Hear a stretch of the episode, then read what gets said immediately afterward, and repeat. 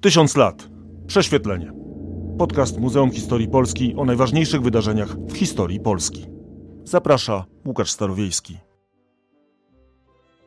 Magia w średniowieczu. Dziś przeniesiemy się w czasy, gdy magia mieszała się z religią w taki sposób, że momentami trudno odróżnić, gdzie kończy się jedna, a zaczyna druga. Czym była magia w mrokach średniowiecza, kto ją uprawiał i dlaczego nie było czarownic? Jak mag mógł zdobyć kobietę? Łukasz Starowiejski, zapraszam na podcast Tysiąc lat prześwietlenie. O czarach i magii w średniowieczu rozmawiam z doktorem Tomaszem Borowskim, mediewistą z Muzeum Historii Polski. Część pierwsza. Magia. Zła czy dobra? Może to być zaskakujące, że rozmowę o magii w średniowieczu, w polskim średniowieczu zaczynamy od modlitewnika. Księga zwana modlitewnikiem e, Warneńczyka jest jednym z najciekawszych dokumentów, przynajmniej w mojej ocenie, jednym z najciekawszych dokumentów z historii Polski, w dużej mierze ze względu na piękne miniatury, które go zdobią. Widzimy tam króla w czerwonej szacie z herbem Polski, biały orzeł, e, biały orzeł czerwone tło, który jest w otoczeniu aniołów, ale na ołtarzu, przy którym stoi, widzimy kryształ.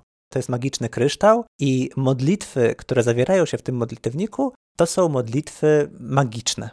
Modlitwy, w których e, takie znane frazy Ojcze Nasz, Święta Mario przeplatane są z formułami magicznymi, gdzie władca stara się poznać przyszłość, e, stara się w jakiś sposób, myślałem, że powiedzieć oszukać przeznaczenie, chociaż to może za mocne słowo, ale stara się jakoś polepszyć swój los przy pomocy magicznych formuł, żeby poznać przyszłość i móc się na nią lepiej przygotować. Nie jest w 100%. Bo jak wiemy, oczywiście Władysław Warneńczyk tego przeznaczenia nie oszukał, ginąc tak, pod Warną, nie... ale e, to jest zupełnie inna historia, bo nie o tym teraz mówimy. Ostatecznie Warneńczykowi się nie udało, oczywiście. Znaczy, gdyby poznał naprawdę przyszłość, e, potrafiłby się na nią pewnie lepiej przygotować, nie, nie zginąłby w tak młodym wieku. Zresztą jest pewna kontrowersja. Y, wiemy, że władcą Polski na tych wizerunkach jest Władysław. To może, prawdopodobnie jest Władysław Warneńczyk, ale istnieje też teoria, że jest to Władysław II Jagiellończyk.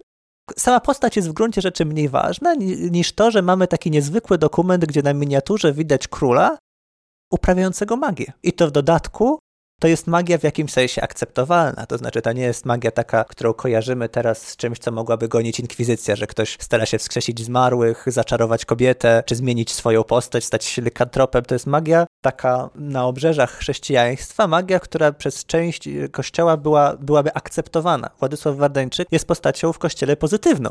Krzyżowiec walczący z, z, z muzułmanami, wokół niego jest pozytywna legenda, Zresztą Władysław II Jagiellończyk także jest postacią pozytywną, więc to nie jest jakiś, jakaś aberracja.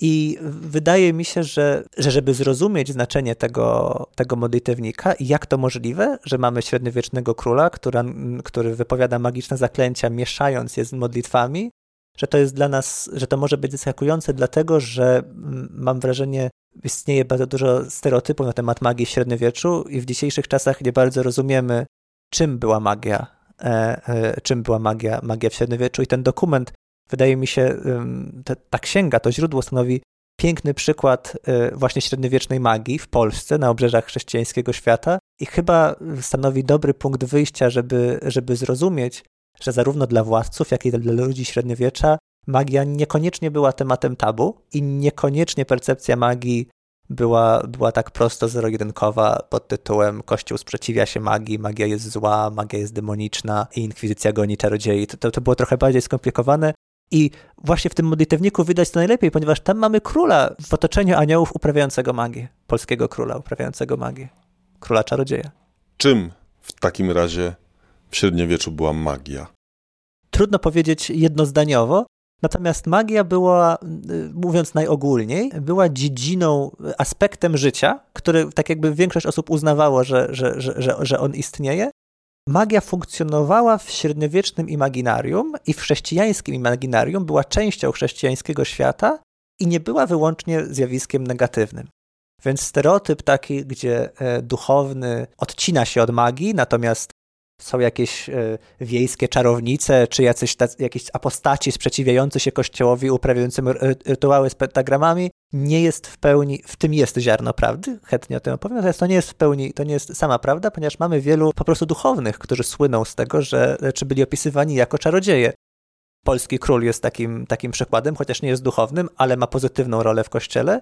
Także papież, papież, papież Sylwester czy Albert Wielki to są osoby, które angażowały się w magię i, i to było w jakimś sensie y, akceptowane. Więc czym była magia? W średniowieczu rozróżniono dwa rodzaje magii. Była magia naturalna oraz magia demoniczna. Magia demoniczna to była taka sytuacja, w której czarodziej czy osoba uprawiająca magię wzywa demony, diabły i w jakiś sposób je obłaskawia, y, prosząc ich o różnego rodzaju przysługi. I mamy kilka ksiąg średniowiecznych, które wprost y, podają takie, takie zaklęcia. To jest e, tak zwany, najbardziej znany jest e, tak zwany Picatrix z XIII wieku. To jest w dużej mierze źródło arabskie, które zostało przetłumaczone przez króla Alfonsa Kastylijskiego w Hiszpanii, ale także tak zwany Wolfsturn, podręcznik z Wolfsturn, czy manual magii demonicznej z Monachium. Po prostu zachowane księgi, które, które, to, które to opisują. I już te księgi wprowadzają rozróżnienie pomiędzy w jakimś sensie akceptowalne, choć czasem krytykowane formy magii oraz te zakazane, magię, demo, mag, magię demoniczną. Magia y, opisywana w tych księgach to nie jest magia taka łopatologiczna, gdzie ktoś rzuca kule ogniste czy stara się wskrzesić, wskrzesić nieumarłego tak jakby ludzie, którzy to opisują, nie są głupi i wiedzą, że nigdy nikt nie rzucił kulą ognistą oraz, że ilość ludzi zmartwychwstałych na świecie jest ograniczona, w zasadzie, i tak jakby, że to nie jest takie proste. Więc to są, magia bardzo często odnosi się do sfer takich nieweryfikowalnych, czyli właśnie poznawanie przyszłości. No, jeżeli, jeżeli trafiłeś, to znaczy, że dobrze rzuciłeś zaklęcie. Jeżeli nie trafiłeś, to znaczy, że źle rzuciłeś zaklęcie. Sprowadzania emocji. Na przykład jest dużo zaklęć na pokłócenie, pokłócenie przyjaciół albo na sprowadzenie miłości w takich miejscach, gdzie trudno jest zweryfikować, czy to magia czy los. Magia czy los zadziałał. Więc mm, czym jest magia? Jest częścią średniowiecznego imaginarium, y, chrześcijańskiego imaginarium, czasem zakazana, a czasem nie. Ta magia, która nie jest zakazana, ma w sobie takie elementy naukowe. To znaczy jest głównie uprawiana przez y, duchownych, którzy starają się poznać świat przy pomocy magii. To magia w średniowieczu jest dobra czy jest zła? To zależy. Dużo magii jest zła, to znaczy właśnie w średniowiecznych kronikach, zresztą począwszy od świętego Augustyna, e, jest magia demoniczna, gdzie y, ludzie mm, angażujący się, się w czary są, są przedstawiani w sposób negatywny. Natomiast y, pojawia się w średniowieczu magia naturalna i ta magia naturalna jest niekoniecznie zła. Magia naturalna to jest taka, e, taka magia, gdzie to też jest wywiedzione z czasów antyku, kiedy czarodziej, naukowiec stara się wydobyć magiczne właściwości różnych przedmiotów. Czyli to jest takie połączenie magii z nauką. Na przykład można uznać, że jakieś zioło ma leczniczą właściwość, ale tą leczniczą właściwość można wydobyć tylko przy pomocy zaklęcia. I wtedy to nie jest jednoznacznie magia demoniczna, bo tak jakby demon... Co nie... prawda przy okazji się miesza te zioła, ugniata, Tak, uprawia się rytuał, uprawia się rytuał magiczny, w sensie. A jednocześnie taki prenaukowy. Zaklęcia magiczne w tym kontekście łączą się z działaniem praktycznym, które może przygotowywać e, faktycznie wywar, e, czyli gotować go, dodawać, dodawać e, różne składniki i to jest element praktyczny, w jakimś sensie naukowy, z rzeczami czy zupełnie niepraktycznymi, czyli na przykład no właśnie w księdze Picatrix jest zapisane, że przy gotowaniu wywaru z ziół należy na liściach ziół napisać pewne słowa magiczne.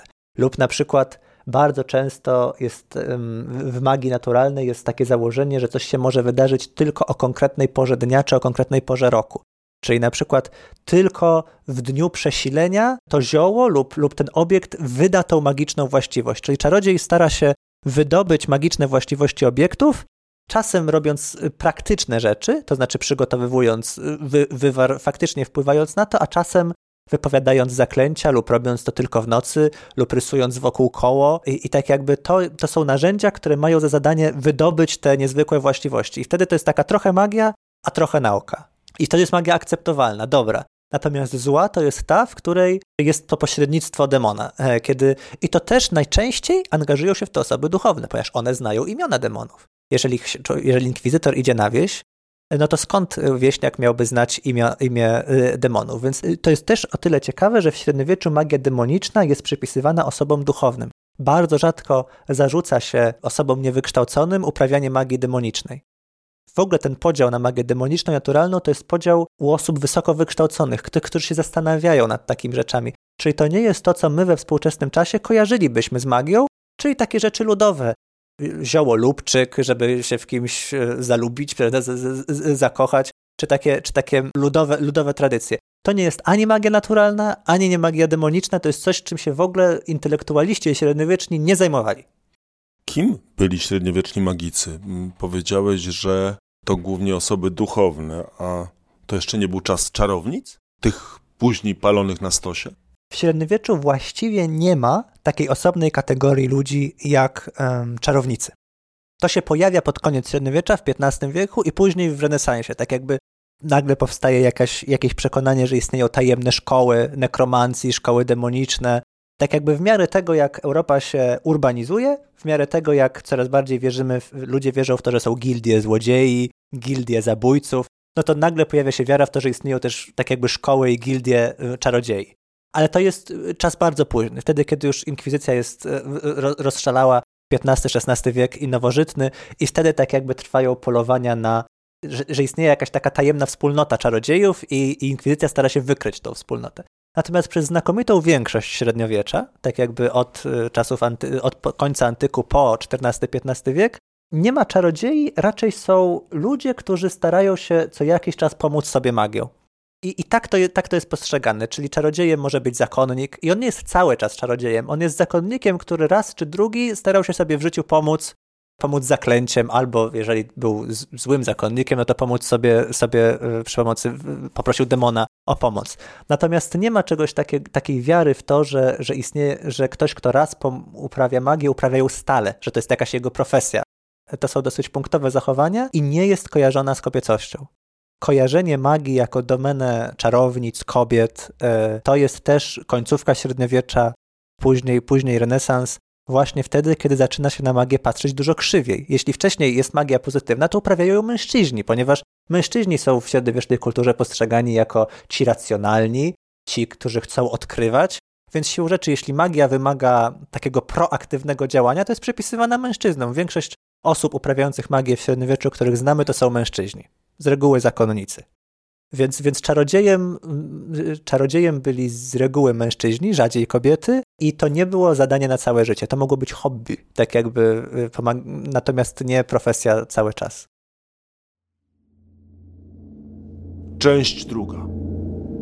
Źródła magii, magia w źródłach. By oglądać źródła historyczne, to trzeba zawsze założyć odpowiednie okulary, żeby, żeby, żeby rozróżnić różne toposy, różne kopie i tak dalej, i tak dalej. W przypadku średniowiecza i zjawisk paranormalnych to muszą być pewnie przede wszystkim okulary jakiejś chrześcijańskiej tradycji. Tak, niewątpliwie percepcja magii i tego, czym jest magia w średniowieczu była kształtowana przez Kościół, przez, yy, przez chrześcijańską tradycję. Natomiast sama chrześcijańska tradycja w tym kontekście była ugruntowana jeszcze z antyku. To jest mm, trochę taki leitmotiv y, w moim przekonaniu, który jest kluczowy do zrozumienia chrześcijańskiej kultury, że ona nie występuje w kontrze do kultury antycznej, ona występuje du w dużej mierze jako ich, jej kontynuacja.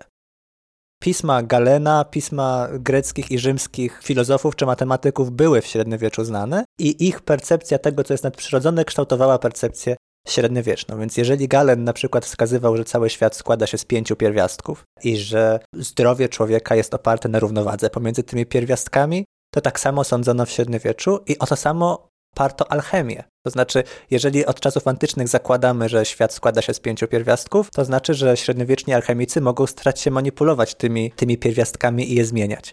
Więc y, percepcja magii wywodziła się z antyku oraz z kabały, z czasów tradycji żydowskiej, Tutaj najważniejszą rolę odgrywa moc słowa. To znaczy u, u Żydów w wielu, wielu zaklęć, w wielu obrządkach magicznych opisanych w średniowieczu kluczową rolę odgrywa słowo, e, zapisane lub wypowiedziane i to jest z kolei kontynuacja tak jakby starotestamentowa. Ta słynna historia, że golem to jest ożywiona materia dzięki temu, że słowo życie ma tą moc sprawczą. Tak jak Bóg tworzy przy pomocy, przy pomocy słowa, na początku było słowo, tak samo później średniowieczni czarodzieje, także ci, ci chrześcijańscy, starają się kształtować rzeczywistość przy pomocy, przy pomocy słowa. Więc jest to mieszanka takiego wyobrażenia świata grecko-antycznego, dotyczącego pierwiastków, z czego ten świat się składa e, i, i, i, i jak funkcjonuje, z tradycją żydowską, taką, taką opartą, opartą o słowo i o ten boski element Boga jako siły sprawczej. Te dwie, te dwie tradycje ukształtowały chrześcijańską percepcję magii, Zresztą w Starym Testamencie magia się pojawia dosyć regularnie, to znaczy starotestamentowi królowie Izraela proszą czarodziei o pomoc i ci czarodzieje odpowiadają. To jest z reguły opisywane negatywnie, no ale jeśli jest się chrześcijaninem i wierzy się w Stary Testament, to trzeba także wierzyć w to, że y, no, czasem się pyta czarodzieja y, o zdanie, bo tak robił, tak robił Dawid, tak robił Salomon. Poza tradycjami antycznymi i, i, i żydowskimi na pewno na, na magię średniowieczną wpływały też tradycje, czy kultury, czy religie miejscowe, czyli celtyckie, słowiańskie, germańskie i tak dalej. Trudno odróżnić to pewnie w źródłach, natomiast pewnie tak. można wykopać. I tak, pewnie to, wiele rzeczy wykopano. To prawda. Plus y, w przypadku tradycji germańskich jesteśmy o tyle szczęśliwi, że mamy źródła. Co prawda, co prawda późniejsze, spisane w Skandynawii, ale oni mimo wszystko, Germanie, mieli swój alfabet i w jakimś sensie no, wyrywkowo, ale potrafili sami siebie opisać.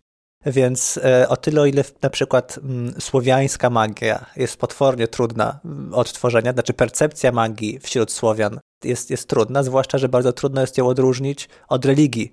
Tak jakby właśnie już, nawet w chrześcijaństwie, bardzo trudno to odróżnić, ponieważ zaklęcia są przeplatane modlitwami.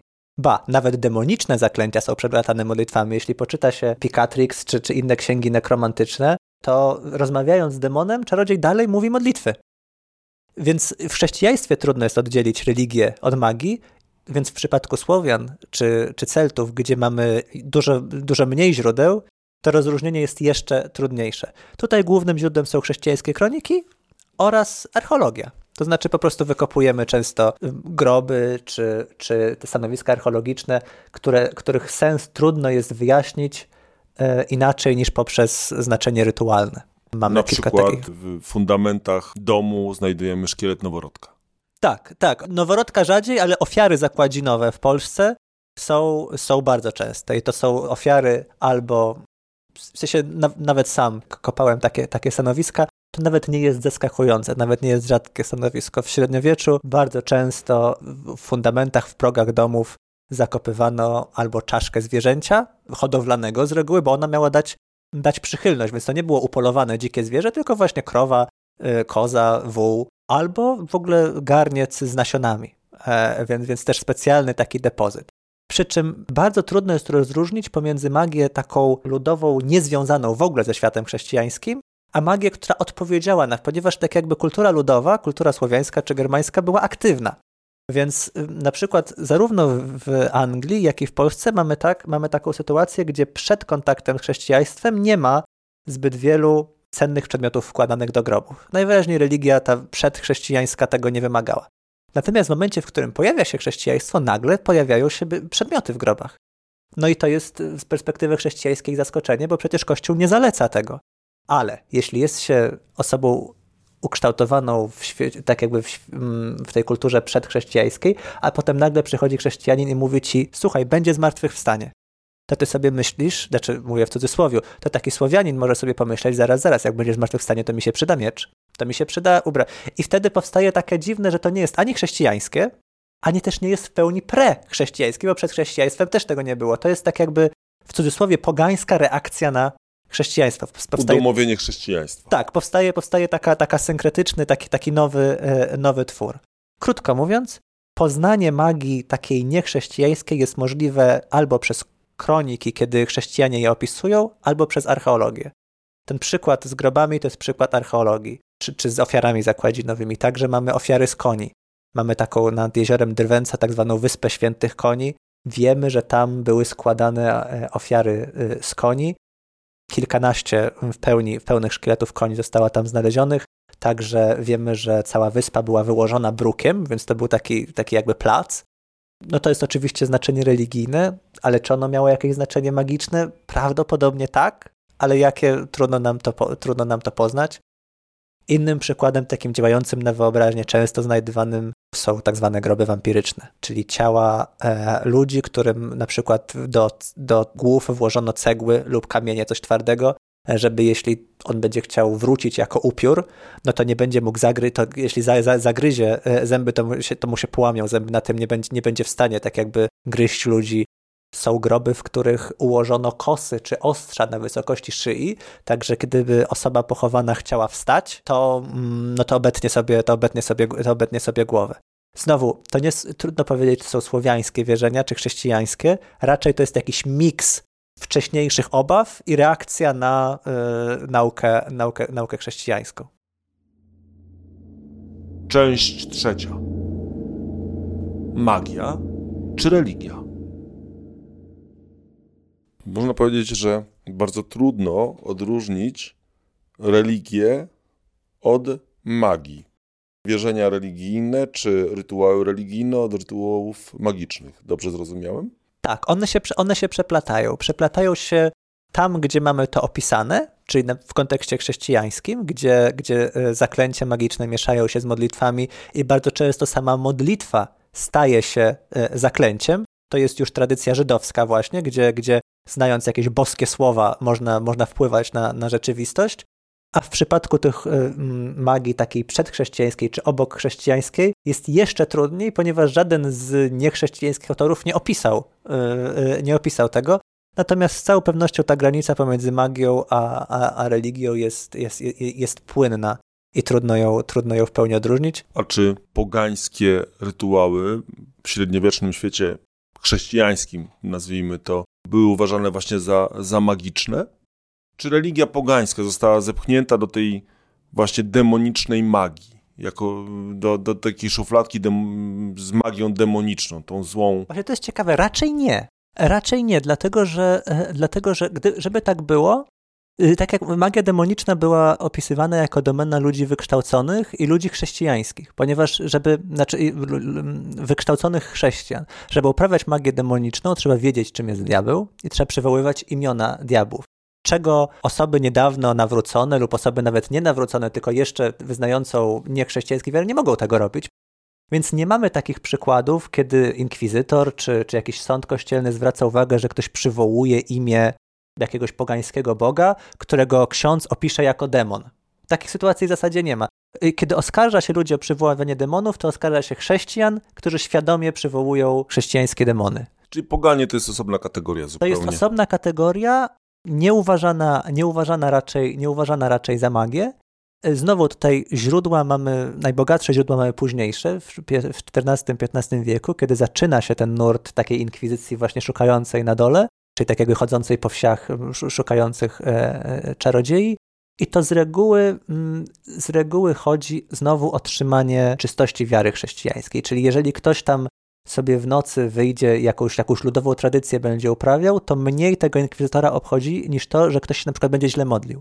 A bardzo często w, w, w dokumentach inkwizycji jest zapisane, że właśnie kobieta, no taki, taki przykład pamiętam, co prawda z Francji, nie z Polski, gdzie kobieta pomagała rodzić i podczas tej, y, podczas kiedy kobiety w jej wsi rodziły, to ona modliła się, ale modliła się jakimiś swoimi słowami i tak jakby to ta, ta, ta nieprawidłowa modlitwa została odebrana jako, jako złe zaklęcie i, i za to została oskarżona. Zresztą ona się broni w bardzo taki błyskotliwy sposób, ponieważ ona tłumaczy, że ona to zrobiła, że ona się tylko modliła, miała dobre intencje, nie przyzywała żadnych demonów, natomiast jednocześnie kabluje na e, e, Żyda w tej samej wiosce, opowiadając, że jeśli naprawdę szukacie e, demona, no to tak jakby stara się zepchnąć tą winę w drugą stronę. To taki, taki fajny przykład. Natomiast generalnie pogaństwo nie było przez e, chrześcijan e, kojarzone z magią, właśnie przez to, że chrześcijanie mieli bardzo wyrobioną, mocną opinię, co to jest magia. Więc jeżeli pogaństwo tak jakby było poza tą kategorią, to nie było uznawane za magię. W średniowieczu mamy też, e, z średniowiecza pochodzą konkretne przepisy na różne, na różne czary. No przepi, przepisy, jak osiągnąć rzeczy praktycznie niemożliwe, na przykład niewidzialność, czy jak skłócić przyjaciół, a ja tu zacytuję może o tym, jak czarodziej chce rozkochać w sobie kobietę. Recytując inkantancję. Czarodziej bierze krew gołębicy za jej, i za jej pomocą maluje przedstawienie nagiej kobiety na pergaminie zrobionym ze skóry samicy psa. Następnie pisze imiona demonów na tym samym pergaminie kiedy to robi, rozkazuje demonom, aby przejęły władzę nad częściami ciała kobiety, koło których jest spisane dane imię. Efekt ma być taki, aby kobieta, że kobieta zapała pożądaniem do czarodzieja. Potem czarodziej trzyma ten pergamin w dymie z płonącej miry i szafranu, dalej wymawiając inkantancję. Potem wiesza sobie ten pergamin na szyi. Potem rysuje mieczem koło na ziemi i znowu pisze tam imiona demonów. Potem staje w tym kole i przyzywa te demony. Demon, demony przyprowadzają kobietę czarownikowi. W tym samym czasie jeden z demonów przyjmuje postać tej kobiety i zastępuje ją w życiu, tak żeby nikt nie zauważył, że prawdziwa ofiara została porwana. To to prawdziwe, e, prawdziwe zaklęcie zapisane w średniowiecznym źródle w XV wieku. To jest przykład magii demonicznej, oczywiście jednoznacznie negatywnej, także dlatego, że cel, który ten czarodziej chce osiągnąć, jest e, z, chrześci z chrześcijańskiego punktu widzenia naganny. Natomiast no to są takie rzeczy najbardziej działające na wyobraźnię, ponieważ w jakimś sensie współczesna, współczesne fantazy się z tego typu opisów wyrosło. To znaczy mamy prawdziwe demony, prawdziwe przejmowanie, kobieta tu jest ofiarą, to, to, to działa na wyobraźnię, i, no ale żeby coś takiego zrobić, no to musi być osoba wykształcona, to znaczy musi znać e, imiona, imiona demonów, musi, więc to nie są rzeczy, które mógłby robić e, e, ktoś, ktoś na wsi. Sam ten opis pokazuje, że to nie jest coś, co robiłaby jakaś stara kobieta na wsi albo e, wójt. E, to, to, są, to są takie fantazje, no właśnie osób wykształconych. To prawda. E, tych, tych przepisów jest więcej i rzeczywiście mm, to nawiązanie do fantazy jest absolutnie adekwatne. Zresztą z tego właśnie wyrosło. Wyrosły te nasze gry o tron i wiele innych tego typu, tego typu serii i, i, i sag oczywiście wzbogacone wyobraźnią autorów współczesnych. A ta magia ludowa w takim razie, bo ona była przecież. Tak, o niej wiemy, ona jest, y, znaczy częściowo wiemy o niej. Na pewno była prostsza.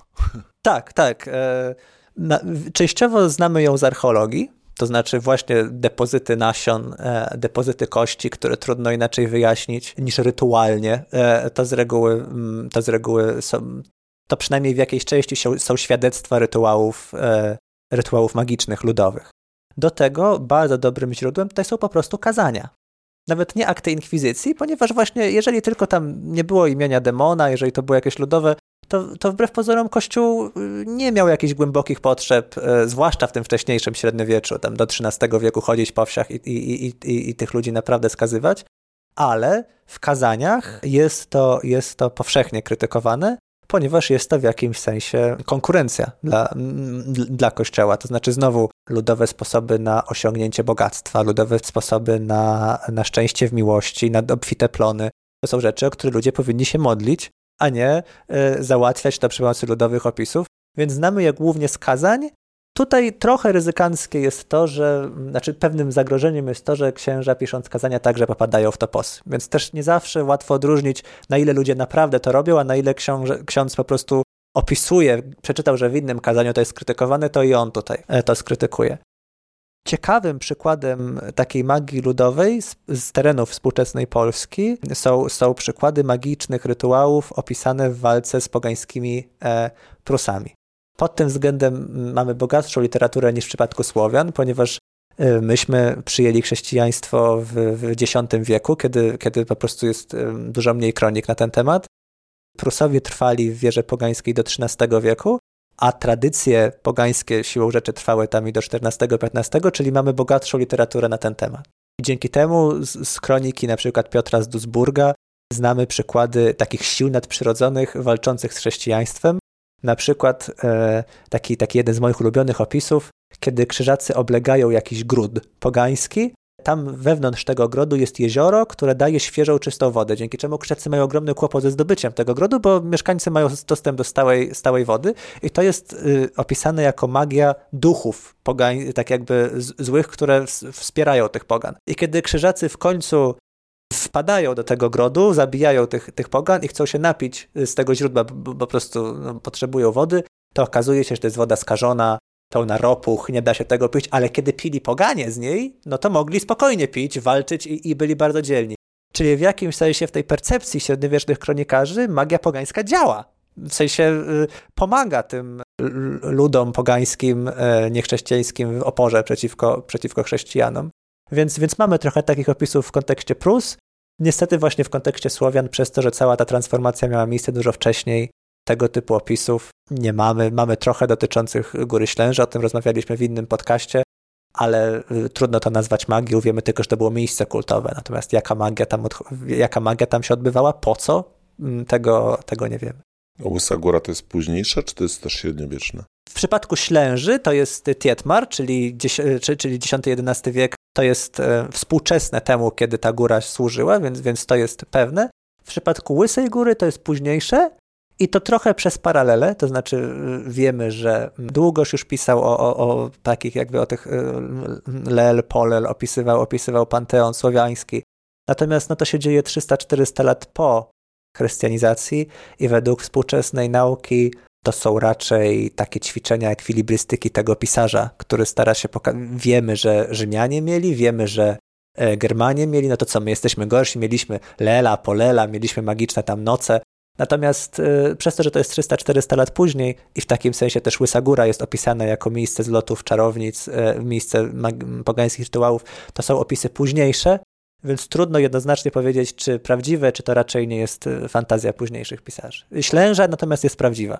Jako nie tyle magiczne, co po prostu pogańskie. Tak, jako ośrodek, ośrodek kultów pogańskich. Część czwarta. Magia. Czary czy początek nauki? A czy mamy w swojej historii, w historii średniowiecza takiego Merlina? Ciesząc się na naszą rozmowę, trochę profilowałem króla Władysława Warneńczyka na kogoś takiego. To znaczy Merlin jest postacią pozytywną, prawda? Także legendy arturiańskie powstały, czy raczej zostały spisane i funkcjonowały w świecie chrześcijańskim, więc też nie jest to przykład e, zupełnie negatywny. I tak samo tutaj no, Polska ma uboższą literaturę niż Zachód, mamy tego dużo mniej. Natomiast no, takim przykładem pozytywnego czarodzieja, gdzie wiemy, że ktoś uprawiał magię i to jest przedstawione pozytywnie, to jest właśnie ten król Władysław Warneńczyk i myślę, że możemy go sobie tak trochę wyobrazić jako takiego przykład, taki przykład polskiego, e, polskiego czarodzieja, polskiego Merlina. Niestety, dotyczą, niestety w kontekście tych wcześniejszych postaci nie wiemy. Czasem pojawiają się rzeczy nadprzyrodzone w kronikach, Gala Anonima czy, czy, czy Kadłubka, ale to są już wtedy niestety, znaczy stety lub niestety, ale to są moralitety, przywracanie wzroku, czyli tak jakby świadectwo, że ktoś niedługo zobaczy prawdziwą wiarę. To nie są opisy magii jako takiej, tylko to są, to są moralitety. Ten Warneńczyk lub Władysław II to jest pierwszy przykład e, takiego czarodzieja, nie moralitetu, tylko po prostu prawdziwego. E, także w nowożytności później mamy, mamy późniejszych królów alchemików, nawet są opisy, że wieża na zamku w Krakowie wybuchła, ponieważ tam król eksperymentował w późniejszych czasach. Natomiast pierwszy... Batory interesował się e, tego typu historią także, wiadomo. Tak, więc właśnie w, ty, w tych późniejszych czasach to się pojawia. Natomiast pierwszy, taki czysto średniowieczny jest, jest ten XV-wieczny modlitewnik. Na niego się mówi krystalomantyczny, ponieważ on właśnie czyta z, z, z kryształów. Patrząc na tę magię, różne jej aspekty i użycie, można powiedzieć, że jest to też e, poza kwestią jakiejś tam religijności czy wiary w demony, to także można to nazwać matką iluś gałęzi nauki, te, te działania magiczne. Bo jeżeli patrzymy sobie na tych czarodziejów zielarzy na przykład, na tych alchemików, no to to jest wstęp do medycyny, to jest wstęp do chemii, tak, tak, oczywiście. No, al alchemik, prawda? To, to, nawet językowo, to, to, to, też y, przez Hiszpanię, przez, przez, pisma, y, przez pisma y, arabskie, które też sięgały do Galena i do, i do, i do, i do wiedzy, wiedzy antycznej. Magia naturalna, ta próba poznania ukrytych właściwości przedmiotów. E, przy pomocy, przy pomocy magii. No to jest tak naprawdę próba poznania tych przedmiotów, e, przedmiotów głębiej, więc... E, Teraz tę próbą poznania nazywamy nauką, a nie magią. Tak, tak, więc to powiedzenie, że magia to nauka jest uproszczeniem, ale to się zazębia, tak jak magia zazębia się z religią, tak zwłaszcza ta magia naturalna zazębia się następnie z nauką. Zresztą zaklęcia magii naturalnej opisane są z reguły pozytywne, to są na przykład zaklęcia dotyczące medycyny, ale także zaklęcia poznania, to znaczy poznania świata wokół. Taki jeszcze część ludzi kojarzy taką opowieść o homunculusie, o, o, o istocie zamkniętej w słoju, która odpowiada na pytania. to jest taka postać papieża Sylwestra, który e, przebywał w Toledo, czyli tak jakby w tym świecie, gdzie, gdzie dużo tłumaczono, była też szkoła, wielka szkoła tłumaczy Toledo, gdzie tłumaczono arabskie e, pisma. I Ale je... też antyczne. Tak. Bo tak naprawdę antyk i greckich wielu filozofów, wiele pism znamy ze względu na to, że kiedyś zostali przetłumaczeni Przez... na arabski, a potem z arabskiego na tak, języki. Tak, no więc, więc to było takie źródło, takie źródło wiedzy antycznej poprzez y, y, z, z domieszką wkładu kulturowego świata arabskiego, świata islamu. I, temu I on potem został papieżem. I jemu zarzucano, że zbyt mocno angażuje się w tę magię naturalną i na przykład zarzucono mu, że rozkazał wytopić z metalu głowę. Y, to się, to się pojawia kilkunastu czarodziejom, to zarzucono, ale między innymi papieżowi, kazał wytopić z metalu głowę, której zadawał pytania. I to pytanie można było zadać tylko o konkretnej porze roku, w konkretnych, żeby tak jakby wydobyć tą właściwość tej głowy. I ta głowa odpowiadała, miała tylko możliwość odpowiedzi tak lub nie. No ale to jest tak, jakby on nie starał się dzięki temu zdobyć sławy, czy zdobyć e, miłości, pieniędzy. To było narzędzie, znaczy ta głowa miała mu dać wiedzę na temat, na temat świata. Tak samo jak homunculus, ten stwór w słoju, więc częściowo magia miała być takim narzędziem poznania. E, I to był ten aspekt quasi-naukowy. Na pewno zaspokajał taką samą potrzebę poznania. Po tym magicznym świecie średniowiecza oprowadzał nas Tomasz Borowski z Muzeum Historii Polski. Dziękuję bardzo. Dziękuję bardzo. Tysiąc lat. Prześwietlenie. Podcast Muzeum Historii Polski o najważniejszych wydarzeniach w historii Polski. Podobał Ci się ten podcast? Posłuchaj innego pod tytułem Wielkie kobiety średniowiecza. Podcastów Tysiąc lat prześwietlenie wysłuchasz na YouTube, Spotify, Google Podcast, Audiotece, a także na innych platformach podcastowych. Chcesz być na bieżąco? Subskrybuj kanał Muzeum Historii Polski.